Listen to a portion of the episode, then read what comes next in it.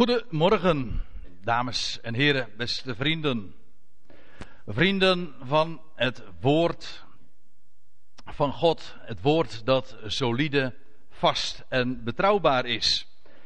Ik wil daar vanmorgen het een en ander met u over delen.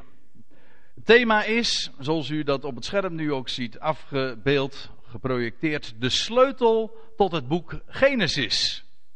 En wat u er ook van zult vinden, u kunt in elk geval niet denken of het idee hebben dat wat we vandaag, maar dat geldt ook voor de studiedag over twee weken, naar voren gaan brengen, dat het niet actueel zou zijn. Want als u het mij vraagt, dan hebt u ook wel gemerkt, en Huip gaf het zojuist al eventjes aan, dat het thema momenteel heel erg in de belangstelling staat van de schepping en het boek Genesis. Het boek Genesis kwam van de week zelfs door het nieuws.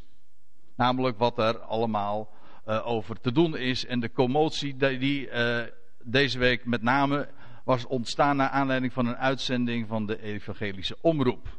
Waar die deze week eh, de wonden moesten likken, want het regende opzeggingen van, ja ja, zo ging het.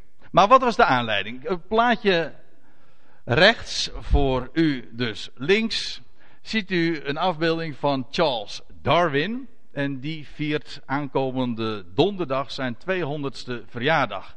Waren het niet dat die man inmiddels is overleden. Hij is van 12 februari 1809 en het is dit jaar het Darwinjaar. En het toeval wil dat het precies 150 jaar geleden is dat hij zijn beroemde boek over het ontstaan der soorten, dat tevens het fundament werd van de evolutietheorie. Ja, je gaat soms dingen door elkaar halen. Dan, dan hoor je zoveel over evolutie, over EO. Nou goed. En het was Knevel die van de week in een uitzending, afgelopen dinsdag, ik heb het zelf ook gezien, ik had al gehoord dat daar nogal wat spraakmakende dingen naar voren gebracht worden. En dat vind ik altijd erg leuk. Maar Knevel die bracht afgelopen dinsdag in een tv-uitzending naar voren. En hij ondertekende zelfs een verklaring dat hij zijn, spuit, zijn spijt betuigt dat die mensen altijd op een dwaalspoor gebracht heeft. Namelijk dat ze Genesis letterlijk hebben genomen. Ja, de directeur van de evangelische omroep die gooit het roer helemaal om. En dat geldt niet alleen voor, de, voor deze meneer van de EO, voor een bekend gezicht, presentator. Maar velen binnen de EO die denken daar zo over. En wat dacht u van deze meneer? Dokter, dokter, uh, ja, ja je, je, denkt haast dat je gaat stotteren als je zijn naam noemt. Dokter, dokter, dokter, dokter Ouweneel. Maar het is een zeer geleerde man. De huisgeleerde zeg ik wel eens een keertje van de EO.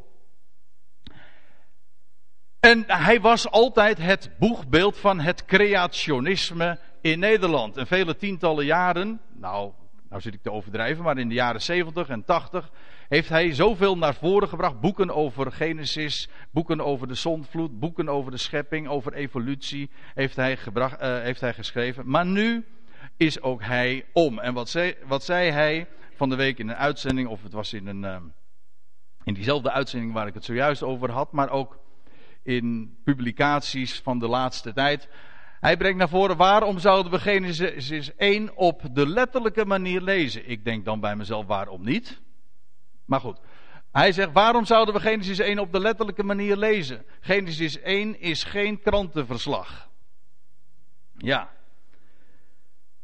dat is een heel andere taal dan wat hij altijd daarover naar voren bracht. Nou vind ik dat op zich helemaal geen punt als iemand van mening verandert of zijn visie moet herzien. Ik bedoel, een mens wordt ouder, leert dingen bij en moet wel eens dingen herroepen. Maar ik moet u zeggen, dit is een heel zorgwekkende ontwikkeling. Als mensen zo het woord van God loslaten, want als Genesis niet meer, en dus ook Genesis 1, daar gaan we het de volgende keer over hebben, niet meer gewoon gelezen mag worden zoals het zich ons aandient, maar dat je eerst heel geleerd moet zijn en bijvoorbeeld wat hij ook naar voren bracht, dat je eerst moet gaan, gaan inzien wat voor literair genre het is en dat je het niet zomaar één op één letterlijk kunt lezen, dan gaan alle alarmlichten bij mij branden. Want wat ik nu vanmorgen juist naar voren wil brengen, en de, over twee weken doen we daar nog een schepje bovenop, om dan gaan we het specifiek over dat Genesis 1 hebben. Want weet u, het, is, het, het heeft twee problemen. In de eerste plaats het probleem dat men Genesis 1 ontdoet, en niet alleen Genesis 1, maar het boek Genesis van zijn letterlijke, concrete, historische betekenis. Dat het gewoon betekent wat het zegt. Maar het, er zit nog iets anders aan vast, en dat is dat er zoveel misverstanden over Genesis zijn. Want begrijp me goed, het gaat er niet om om traditioneel vast te houden, krampachtig aan dat wat we altijd orthodox hebben gezegd en nagepraat over wat er in die boeken of in dat boek en in die hoofdstukken naar voren wordt gebracht. Daar gaat het niet om. Ik bedoel, het creationisme is toch bekend geworden als de visie dat God in, dat was de frase die van de week ook iedere keer voorbij kwam, het is dat het boek Genesis uh, dat Genesis 1 vertelt dat God de wereld heeft geschapen in zes dagen van 24 uur. Nou, ik kan u dit vertellen. Deze heren, die ik waarvan ik de naam zojuist noemde en vele meer, die daar van afstand doen, die doen daar op goede gronden afstand van. Dat wil zeggen, het punt is namelijk, de Bijbel leert dat ook helemaal niet eens. Misschien staat u daar heel erg verbaasd van te kijken. Maar dan, als u dat toegelicht wil hebben, dan gaan we het uh, uitgebreid over twee weken over hebben. Over Genesis 1 en over die zes dagen. Wat betekent dat nou? Hebben we het wel goed gelezen. Er zijn zoveel misverstanden, dus het is heel goed om die vraag je te stellen. Wat staat er nu? Maar waar het nu vandaag in de eerste plaats om gaat, en ik wil daar zo'n dikke streep onder zetten. Het boek Genesis is gewoon concreet, letterlijk, historisch te lezen. En kan inderdaad gelezen worden zoals je een krantenverslag leest. Met dit verschil dat je de krant meestal niet kan geloven. Hè? En de Bijbel juist wel. Ja, goed. Uh, laten we het eerst eventjes hebben over die naam Genesis. We kennen die naam, als we er eh, wat op focussen en je zoomt in, dan, dan herken je nog andere, min of meer vreemde woorden in de Nederlandse taal. Genetica, genen, genererend, heeft te maken met het ontstaan, met wording. Het boek Genesis is daarom ook het boek van het ontstaan, van de oorsprongen, het boek van de wording. Het is ontleend ook aan de tekst zelf in Genesis. In Genesis 2, vers 4, daar staat: Dit is de in onze vertaling, NBG. Dit is de geschiedenis van de hemel en aarde toen zij geschapen werden. Dat wil zeggen, hier wordt teruggeblikt op het voorgaande hoofdstuk. En waarin melding gemaakt wordt van die zes dagen en van de schepping van hemel en aarde in den beginnen. En dan staat er na afloop, dit is de geschiedenis van de hemel en de aarde toen zij geschapen werden. Maar wat staat daar? In de Griekse vertaling van dit vers, daar wordt iets, een, een uitdrukking gebruikt, de Biblos Genesios. En Biblos Genesios, dat betekent het boek van de wording. Het boek van het, het boek Genesis eigenlijk. Biblos Genesios betekent eigenlijk gewoon, Biblos is boek, en Genesios dat is de, de wording, Genesis dus. Dit is eigenlijk, als je dus in het Grieks leest, staat er dus in Genesis 2, vers 4. Dit is het boek Genesis van de hemel en de aarde toen zij geschapen werden. Waaruit volgt dat het boek Genesis feitelijk een samengesteld boek is. Want als dat eerste hoofdstuk, of ruim dat eerste hoofdstuk, al het boek Genesis heet, hoe zit het dan met het vervolg? En ik kan u nu alvast verklappen, wel dat zijn ook allemaal boeken. Dus je zou eigenlijk niet over Genesis moeten spreken, of het boek Genesis moeten spreken, maar over de boeken Genesis. Ja. Diezelfde uitdrukking, Biblos Genesios, vind je ook in Genesis 5 vers 2. We komen daar straks nog over te spreken. En waar het vooral bekend om is, is uh, Matthäus 1, vers 1. Het Nieuwe Testament begint triomfantelijk met deze uitdrukking. Alleen dan wordt het vertaald met geslachtsregister. Het de, dit is de Biblos Genesios van Jezus Christus, de zoon van David, de zoon van Abraham. Dus in het Nieuwe Testament komt diezelfde uitdrukking ook voor. Het boek Genesis. Voordat we daar wat nog meer over willen, willen te weten komen, wil ik u wijzen op drie opmerkelijke ontdekkingen in de archeologie van de laatste eeuw of anderhalve eeuw. De archeologie is een, is een betrekkelijk jonge wetenschap, maar de, er is wat gespit daar in de bakermat van onze beschaving. Daar in, in Mesopotamië, in Egypte. En men heeft hele opmerkelijke dingen ontdekt. En ik wil op een drietal dingen wijzen. Het eerste is de bakermat van de beschaving. En dat is hier Mesopotamië, Irak en Egypte. Ontstond niet geleidelijk, maar explosief.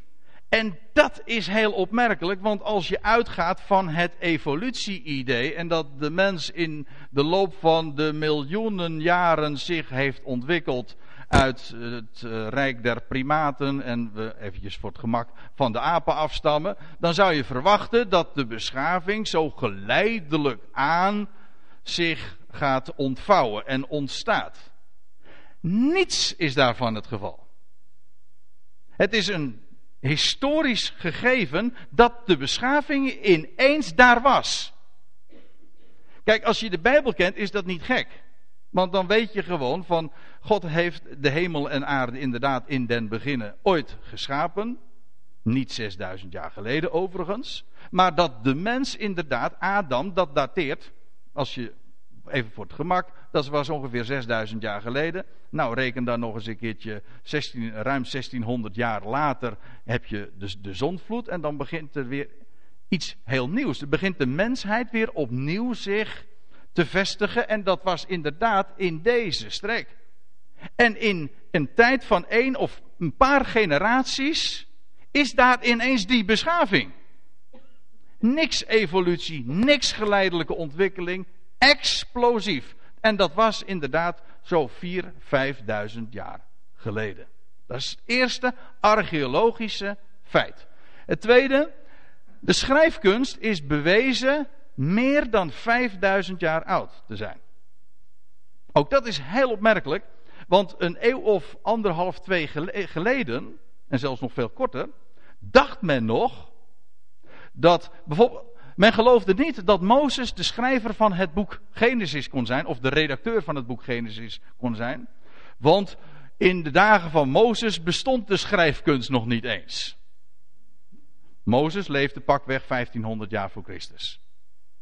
En toen was de schrijfkunst er nog niet. Amahula. Want de schrijfkunst is al, was al vele duizenden jaren daarvoor bekend. Dat is gebleken uit die kleitabletten en die hieroglyphen. De schrijfkunst is al zo oud, ik zou zeggen als Methuselem, maar dan, eh, dat is nog een understatement. Het is namelijk nog veel ouder en ik zal het u straks nog laten zien ook. En een van, het is ook een archeologisch gegeven dat zo, de schrijfkunst zo oud is als de mensheid, als de beschaving. En dat is heel opmerkelijk.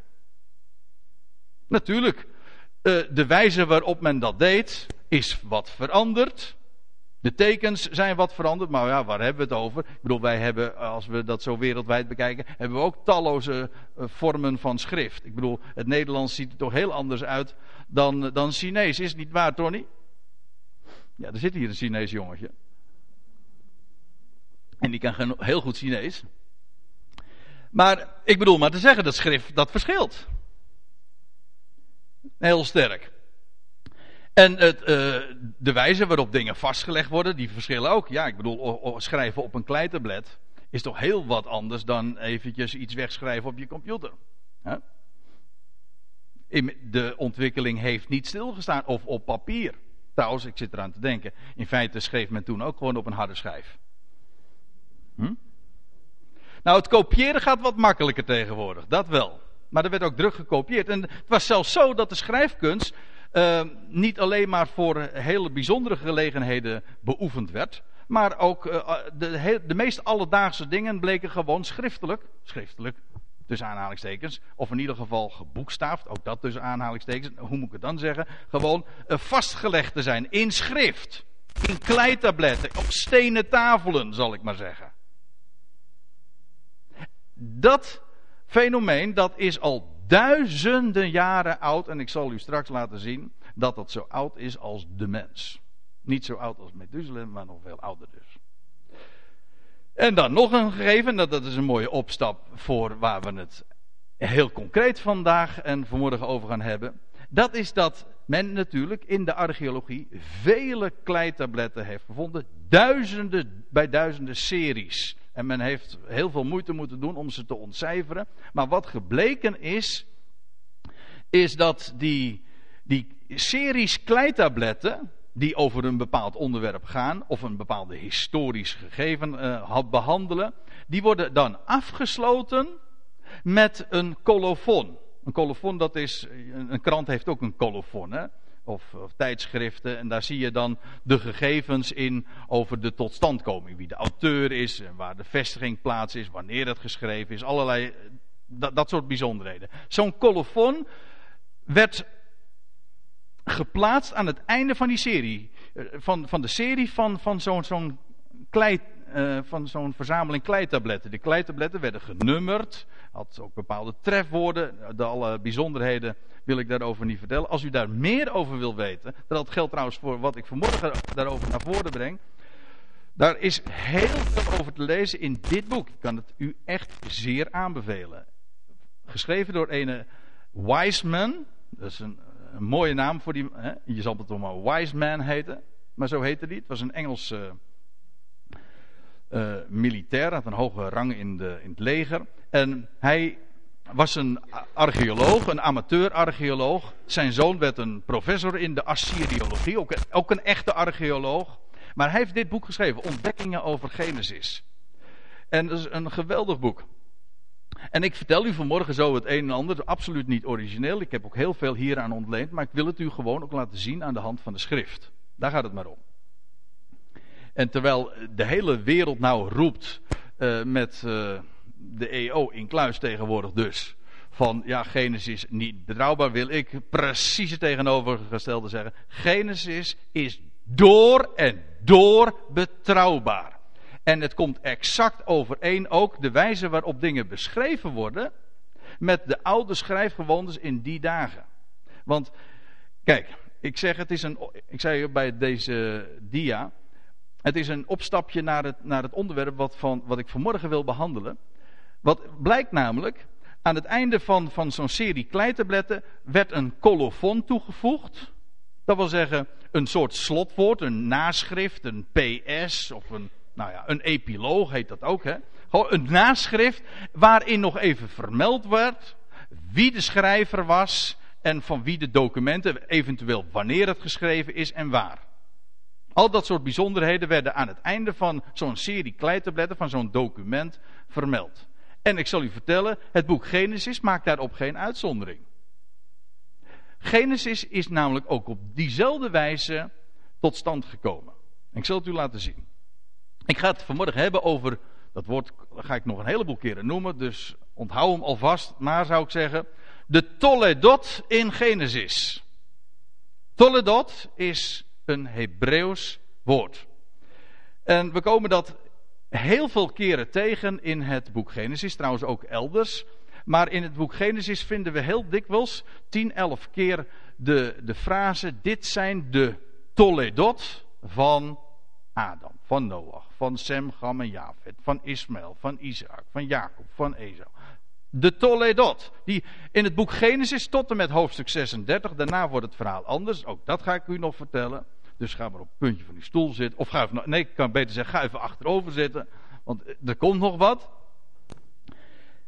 dit, zijn de Toledot, dat is zo'n sleutelfrase in het boek Genesis. Komt telkens weer terug. Het boek Genesis ontleent, ontleent ook zijn naam aan dit woord. Alleen het, het verschil is, Toledot is het Hebreeuwse woord en Genesis is de Griekse vertaling ervan.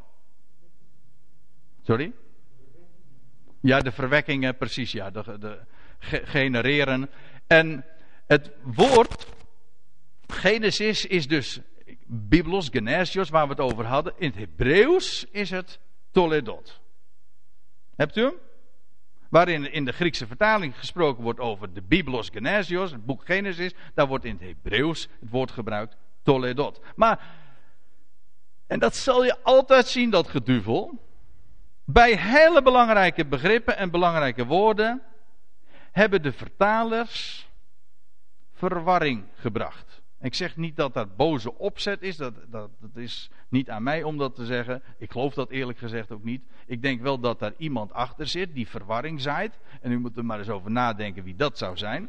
Maar bij hele belangrijke begrippen, wat, wat gebeurt er? Men gaat het woord discordant, dat wil zeggen inconsequent weergeven. Men geeft het aan de ene kant weer, in dit geval, hè, dit zijn de toledot van puntje, puntje, puntje.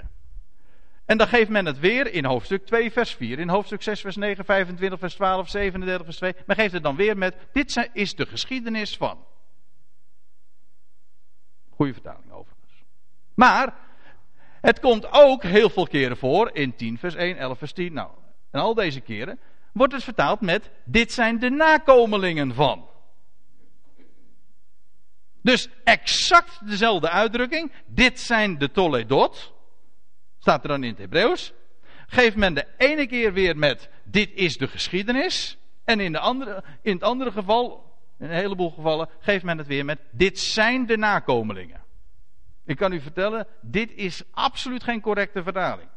Sterker nog, het zet op een compleet verkeerd spoor. Men zou het woord gewoon eenduidig, concordant weergeven.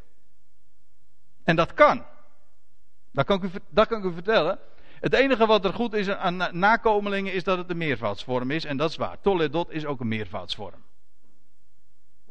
Dus in die zin is de term geschiedenis ook weer niet juist. Dan zou het moeten zijn de geschiedenissen.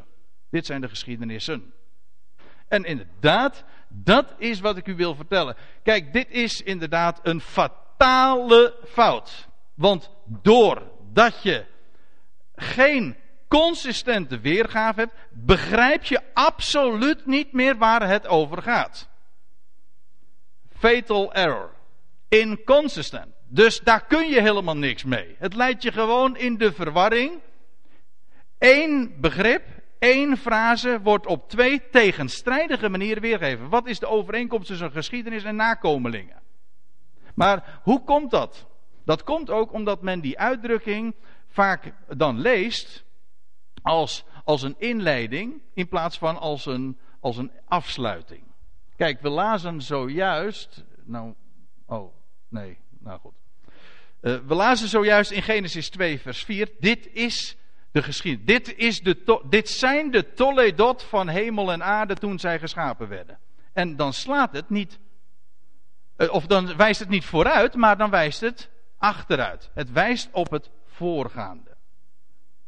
En er zijn veel misverstanden daarover ontstaan. En men heeft het weergegeven met dit zijn de nakomelingen. Doordat men dacht van ja het wijst, het wijst op wat er nu gaat komen. En dan, dan was het vaak een geslachtsregister. En dan geeft men het maar weer met, uh, met nakomelingen. Maar ik, wat ik u dus vertel is de uitdrukking dit zijn de geschiedenissen. Dit zijn de toledot. Dat betekent dit zijn de geschiedenissen van Puntje, puntje, puntje. Laten we eerst eens wijzen, laat ik eerst eens mogen wijzen op de eerste vermelding. De eerste vermelding, ik, ik heb er al op gewezen in Genesis 2, vers 4. Daar staat, hij komt nu dus nog een keer terug. Dit is de geschiedenis van de hemel en aarde toen zij geschapen werden. Maar weet u, hier staat dus letterlijk, dit zijn de Toledot van hemel en aarde. Kan je hier weergeven nakomelingen? Dit zijn de nakomelingen van hemel en aarde toen zij geschapen werden. Dat is de waarheid. Kan dus niet. Absoluut geen goede weergave. Weet u wat Toledot betekent? Altijd, consequent, zonder uitzondering. Geschiedenissen. Of, zo u wilt, kronieken. Maar dat is eigenlijk ook een, een, een kroniek, is een geschiedverhaal. Een Kronieken zijn dus geschiedverhalen. Of documenten. Dat maakt me niet uit welk woord u kiest. Ik kies ik zal ze vanmorgen ook gewoon afwisselend gebruiken. Dat maakt me namelijk niet uit welk woord je kiest. Maar het gaat erom dat je, als je het weergeeft op een bepaalde manier, dat je het consequent zou doen. Want dan ben je inderdaad in de lijn van de schrift. De het, als er staat, dit zijn de Toledot, dan betekent dat dit zijn de geschiedenissen. Dit zijn de documenten. Dit zijn de kronieken van. We gaan naar de tweede vermelding. Genesis 5, vers 1. Let op.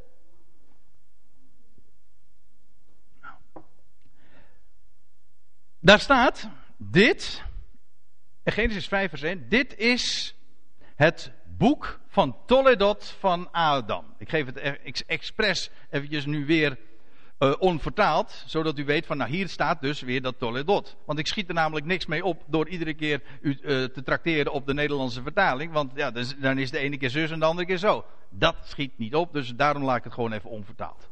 Hier staat letterlijk, dit is het boek van Toledot, Biblos Genesios, hè, staat, er, staat er ook in het Grieks hier.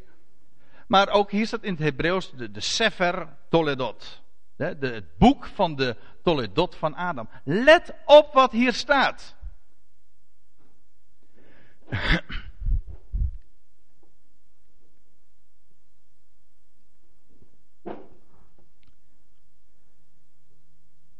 Dit is het boek van, van de geschiedenissen van Adam. Mensen hebben dit op alle, alle mogelijke manieren wegvertaald. Maar hier staat zoiets concreets, zoiets ongelooflijks.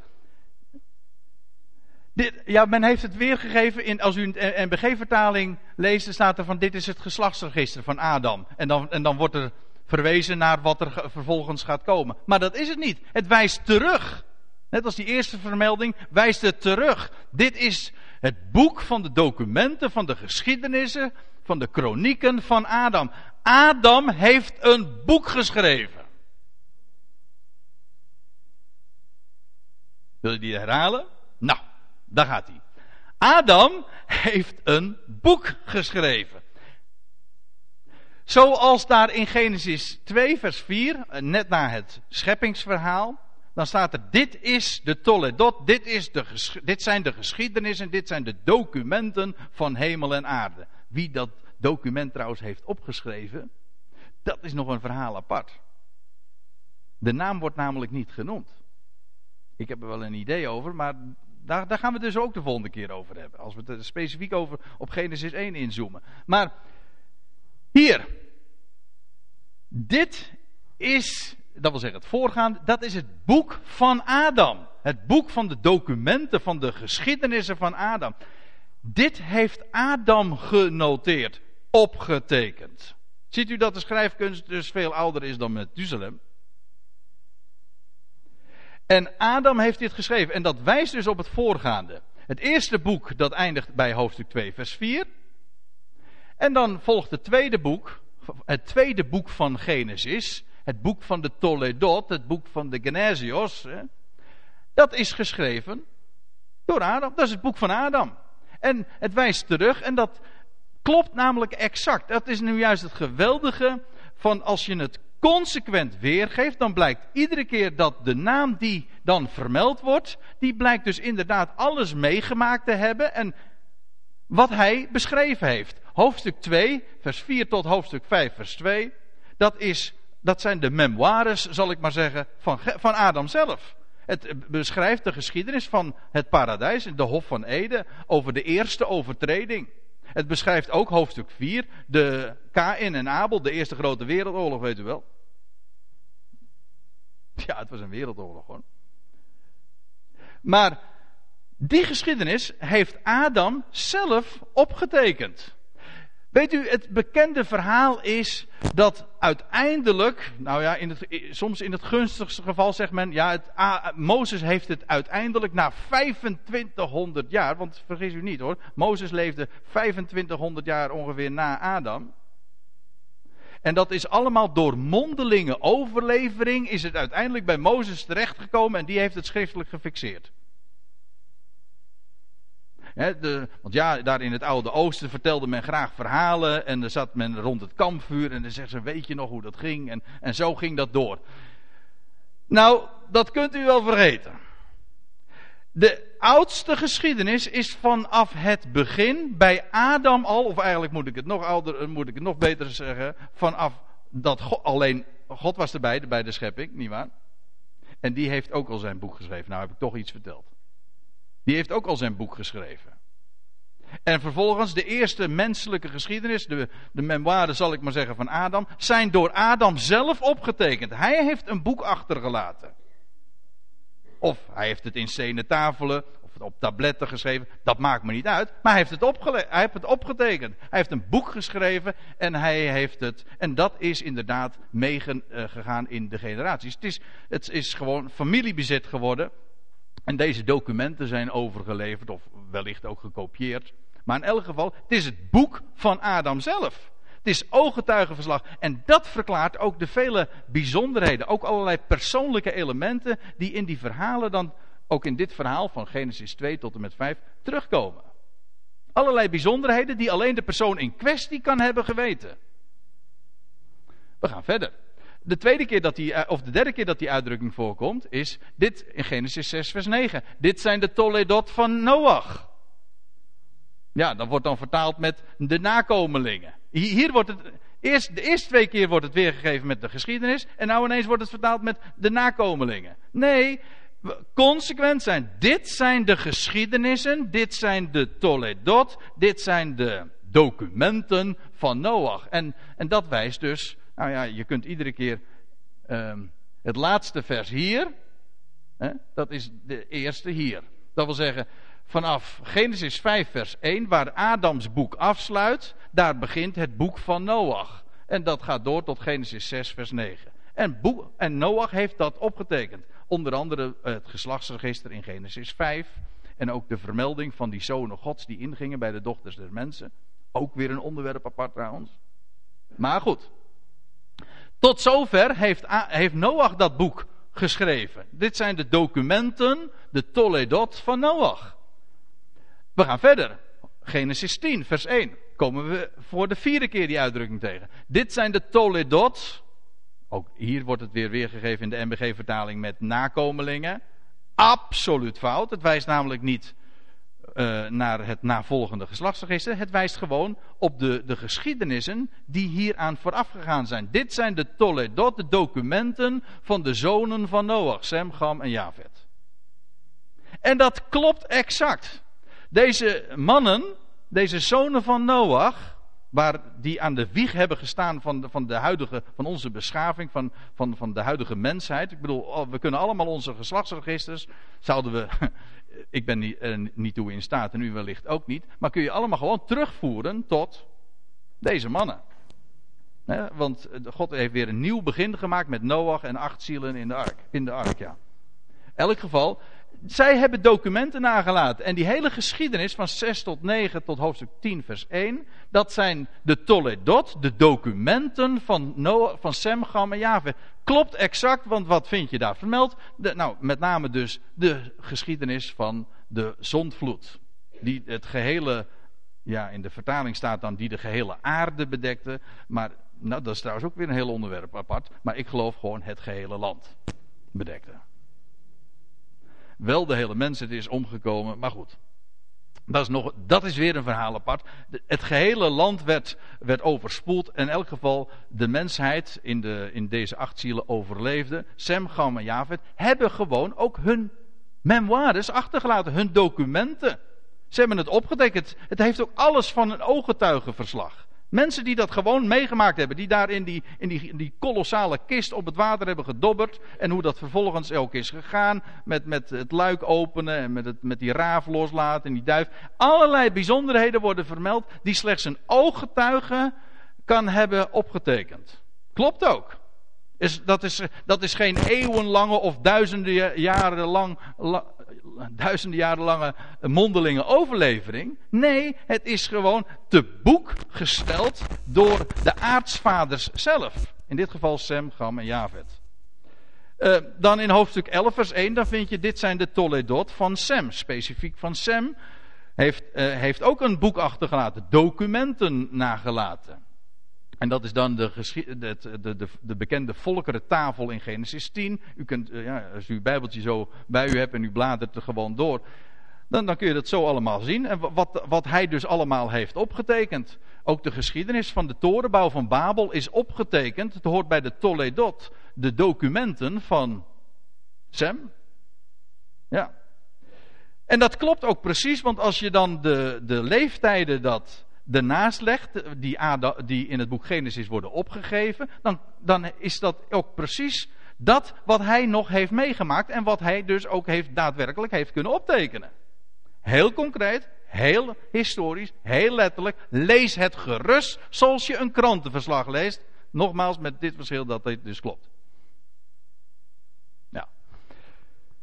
Uh, de, de zoveelste keer dat we de vermelding vinden, dit zijn de Toledot van Terach. Dat is in Genesis 11, vers 27. Dat is een, een eh, betrekkelijk kort boekje. Dat zijn maar weinig documenten. Maar Terach heeft dus ook zijn, zijn documenten nagelaten. Dan krijg je, en dat is een heel lang, lange toledot, zeg maar, heel veel documenten. Dat, zijn de, dat is de, de geschiedenis van, van, van Abraham. Maar wat opmerkelijk is, Abraham zelf heeft zijn, eh, zijn geschiedenis niet opgetekend. Het zijn de toledot van zijn zonen, namelijk Ismaël en van Isaac. En die hele geschiedenis van Abraham, te beginnen bij ja, Genesis 11, vers 27 tot hoofdstuk 25, vers 19. De, ook de dood van Abraham. En ook nog trouwens het huwelijk van Isaac wordt erin vermeld. Dat is alles, dat zijn de Toledot, de documenten van, van de zonen van Abraham. Geboekstaafd door hen en vervolgens doorgegeven naar volgende generaties, zodat het uiteindelijk in handen is gekomen van Mozes, die dat alles heeft geredigeerd en samengesteld. We gaan verder. De laatste keer trouwens dat er gesproken wordt over de Toledot. Dat is in Genesis 36 en 37. Dit zijn de Toledot van Esau en, en een hoofdstukje later. Dit zijn de Toledot van Jacob. Dat wil zeggen, Esau en Jacob hebben het boek geschreven, de documenten die we vinden in de tussenliggende hoofdstukken. Dus vanaf Genesis 25, dan krijg je de geschiedenis van Jacob met name, maar ook die van Esau, ook het verraad eh, van, van zijn vader, u weet het, het conflict tussen Jacob en Esau. Ook weer trouwens de verzoening van Jacob en Esau uiteindelijk, als Jacob weer terugkomt bij zijn oom Laban vandaan. Afijn, tot hoofdstuk 37 vers 2 zijn dat de Toledot van Esau en van Jacob.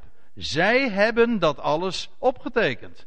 Ooggetuigenverslag. Zij waren daar zelf bij. Of, of zij hebben het uit eerste hand gehoord, dat wil zeggen van hun eigen vader. Die dat zelf hij allemaal had meegemaakt, dus. En dan eindigt het inderdaad in hoofdstuk 37, vers 2. Ziet u trouwens ook, ook hier weer hoe discordant men het heeft weergegeven. Dat wil zeggen, discordant betekent inconsequent. Want dat is net als hier. Oh, wacht even, nou ga ik te ver door.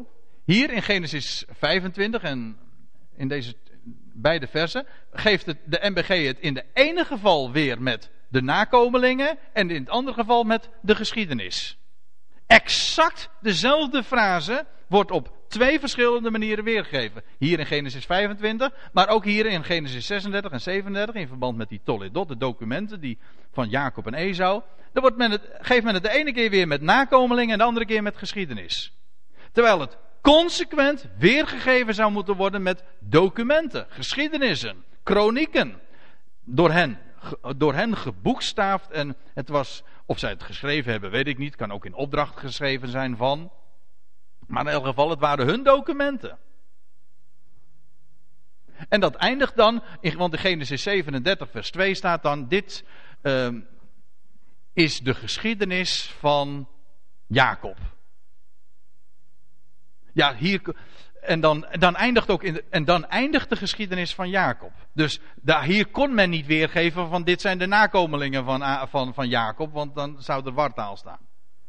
Als men een consequent vertaalwoord had gebruikt, dan had daar had men niet alleen maar dit probleem niet gehad, maar men had dan, dan zou er zoveel licht vallen op het, op het ontstaan van het boek Genesis. Namelijk dat het uit eerste hand informatie is, geschreven door de aartsvader zelf. Dat is het licht wat ineens vrijkomt. Dat is de sleutel ook tot het verstaan van het boek Genesis. Genesis is ooggetuigenverslag. Het beslaat een hele lange periode van pakweg 2500 jaar. Nou, iets minder zeker. Ja, iets minder. Maar goed, eh, ruim 2000 jaar. En die periode is, is inderdaad geboekstaafd, op schrift gesteld door, door de mensen zelf. Door de aartsvaders zelf, die ooggetuigen waren. En dan krijg je natuurlijk nog de navolgende hoofdstukken. Ik eh, kom daar nog even op terug, maar ik wil nog op iets anders wijzen. En dat is een aantal hele opmerkelijke dingen in Genesis. In verband ook met het onderwerp waar we het nu over hebben. Het eerste. Tot en met Genesis 11 vinden we heel veel Babylonische woorden en bijzonderheden vermeld. Weet u wat dan zo weer zo grappig is? In de schriftkritiek, die hebben dat, die hebben dat gebruikt als een als munit, munits, zeg het maar, minutie, ja. ja sommige woorden, ja, heb je het over tolle dot en biblos genesios en het gewoon woord voor minutie ken je niet. Het is munitie, ja, dat neem me niet kwalijk zeg. Ja. Zulke eenvoudige woorden zijn dan weer zo ingewikkeld. Neem me niet kwalijk. In elk geval, men heeft dat gebruikt als argument voor uh, de opvatting dat het boek Genesis pas ontstaan is in de tijd van de Babylonische ballingschap.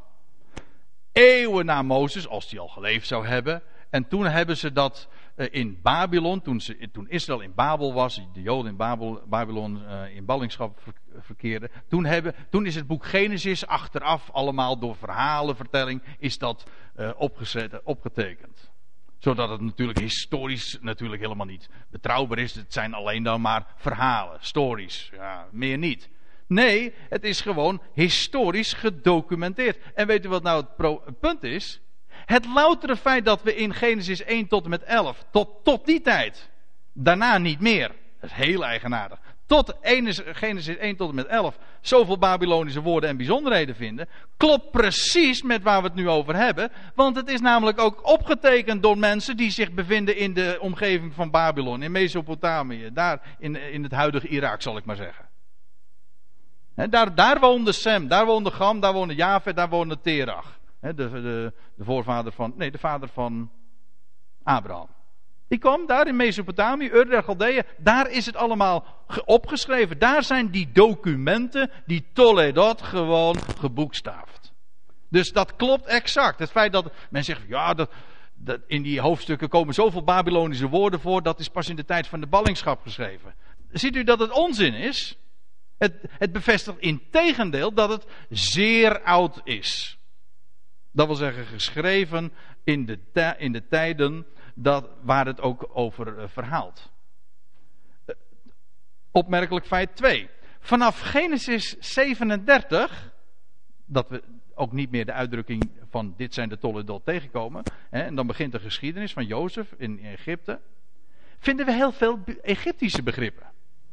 Heel vreemd. Heel veel Egyptische begrippen. Ik vind het niet vreemd hoor. Integendeel, het is namelijk geschreven door Mozes, die boeken. Of uh, vanaf die tijd. Maar vanaf Genesis 37 is het gewoon. Dan loopt. Dat is heel eigenaardig. Vanaf Genesis 37. Dan, wordt er, dan vind je dus de geschiedenis van Jozef. Tot en met hoofdstuk 50 van Genesis. En dat is, daar eindigt het boek Genesis. Nou. En dan, dan het tweede boek van Mozes. Dat is het boek. Exodus, juist. Maar Exodus loopt gewoon door vertelt het verhaal gewoon verder waar Genesis afsluit.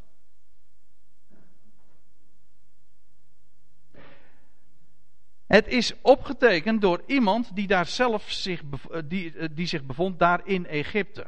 Het is inderdaad geschreven. Eh, daarom heeft Genesis ook de naam, deel uit te maken van de boeken van Mozes. Dat klopt ook. Mozes is degene die al die documenten, die Toledot, uiteindelijk bewerkt heeft. Ik kom daar ook nog even op terug. Maar bij Mozes is het terechtgekomen en hij heeft het boek ook afgesloten door het hele verhaal van Jozef ook daadwerkelijk uh, op te tekenen. En hij wist daar ook alles van, want vergis u niet, jo uh, Mozes was een prins aan de hof van Farao. Maar dat was Jozef ook. Het, was, maakte gewoon deel uit dus van de, de, de koninklijke annalen, zoals dat, zoals dat heet. Niet waar? Dus vanaf Genesis 37 vinden we heel veel Egyptische begrippen. Mozes was namelijk ook, zo lezen we dat, uh, was onderwezen in de kennis en de wijsheid van de Egyptenaren. Hij beschikte over hun documenten. Hij beschikte ook over hun, hun eigen voorgeschiedenis. Jozef was ook zo'n onderkoning en, en hij heeft dat allemaal bij elkaar gebracht. Enfin, ik zal u twee voorbeelden geven over van Egyptische bijzonderheden. Er staat in Genesis 41, vers 45. Daar staat er. En Farao noemde Jozef Safnat Paaneach. Dat is geen Hebreeuws hoor, ook geen Babylonisch. Dat is een Egyptisch begrip. Weet u wat trouwens wat betekent? Ja, het staat hierbij hè. Redder der wereld. Juist. Zo noemde Farao Jozef, een schitterend type, maar daar hebben we het bij een andere gelegenheid wel eens over gehad. Jozef was een schitterend type van de Heer Jezus Christus. Op talloze manieren. Maar, zo noemde hij hem dus. Een Egyptisch begrip. En daar staat er, en hij gaf hem Asnat, dat is ook een, Egyptische naam, de dochter van Potifera. Ook een Egyptische naam. Allemaal Egyptische begrippen. En niet alleen maar eh, namen, maar ook, ook gebruiken. Dan wordt er bijvoorbeeld in Genesis 43, vers 32 staat uh, vermeld. De Egyptenaren toch mogen geen maaltijd gebruiken met de Hebreeën, want dat is voor de Egyptenaren een gruwel. Typisch een, een, een informatie van een insider. Van iemand die, die dat maar al te goed weet. Ja, Jozef wist dat natuurlijk en is daarachter gekomen. Maar Mozes, die dat vervolgens allemaal geboekstaafd heeft of bij elkaar gebracht heeft, die was op de hoogte van die dingen. Dus het is informatie uit de eerste hand. Ik zou nog veel meer voorbeelden kunnen geven, maar ik, ik, ik noem deze dingen gewoon ter illustratie van dat, van dat gegeven. Dat we zoveel Egyptische woorden en begrippen daarin tegenkomen. In, vanaf Genesis 37 dus. Ja, en dan eh, nog een derde opmerkelijke feit. Die oude teksten van het boek Genesis dus, van 1 tot en met 36, al die Toledot, al die documenten, die zijn voorzien van heel veel verklarende aantekeningen. Want Mozes, kijk, Genesis maakt deel uit van de boeken van Mozes, dat is waar. Maar Genesis is niet voor het grootste gedeelte geschreven door Mozes. Het, de eerste 36 hoofdstukken zijn gewoon zijn boeken opgetekend, geschreven door de aartsvader zelf vanaf Adam. En Noach, de zonen van Noach, etc. En dan het, is het bij Mozes terechtgekomen en die heeft het bij elkaar gebracht. Verzameld. En hij heeft het als redacteur ook bewerkt. En dat wil zeggen, ook eh, soms eh, waren er verklarende voetnoten nodig. Ik zal, er zijn er heel veel voorbeelden van te geven. Dan zie je ook trouwens dat Mozes het niet zelf geschreven heeft, maar bij elkaar gebracht en als redacteur dat heeft moeten toelichten. Soms met voetnoten erbij, met aantekeningen. Ik zal, ik zal twee voorbeelden geven. Er staat in Genesis 14, in de geschiedenis van, van Abraham en van Sodom en Gomorra, daar staat er, het dal Sidin en dan staat erbij, dat is de, dus dan tussen haakjes, hè, dat is de Zoutzee. Ja, het is de Zoutzee geworden. Maar in de tijd dat dit gebeurde, was het nog geen Zoutzee, het was het gewoon het dal Siddim. En daarom heeft Mozes dat als, als degene die de tekst eh, onder ogen kreeg en bewerkt als redacteur ook bij elkaar zou brengen, heeft hij er verklarende voetnoten, verklarende aantekeningen bij gemaakt. Uh, Genesis 23, vers 19, daar staat er. En het veld van Machpela tegenover Mamre. Dus haakjes, als verklarende aantekening, dat is Hebron in het land Canaan. Dat is trouwens ook typisch geschreven door iemand die zichzelf niet in Canaan bevindt. Hè? Nee, Mozes bevond zich in Egypte en heeft deze tekst, deze documenten, deze Toledot in handen gekregen. En heeft, heeft er bij gelegenheid allerlei verklarende aantekeningen bij gemaakt. die nodig waren voor het verstaan. Anders een, een, buitenstaander zou dat niet begrepen hebben. Goed, het wordt tijd voor een conclusie, want ik zie inmiddels dat de tijd dringt. In de eerste plaats, het boek Genesis. Ik hoop dat u dat wel duidelijk geworden is. Het kan zijn dat het allemaal met alle getalletjes die ik, en alle versnummers en hoofdstukken die ik genoemd heb, dat het een beetje gaat duizelen en u zegt van ja, we, in, we doen zo in, een, in drie kwartier tijd. Uh, behandelen we even een periode van 2, 2.500 jaar. Hè? Ja, daar, draaien wij onze hand niet voor om, nietwaar? En ik kan me voorstellen dat dat soms erg, erg veel is.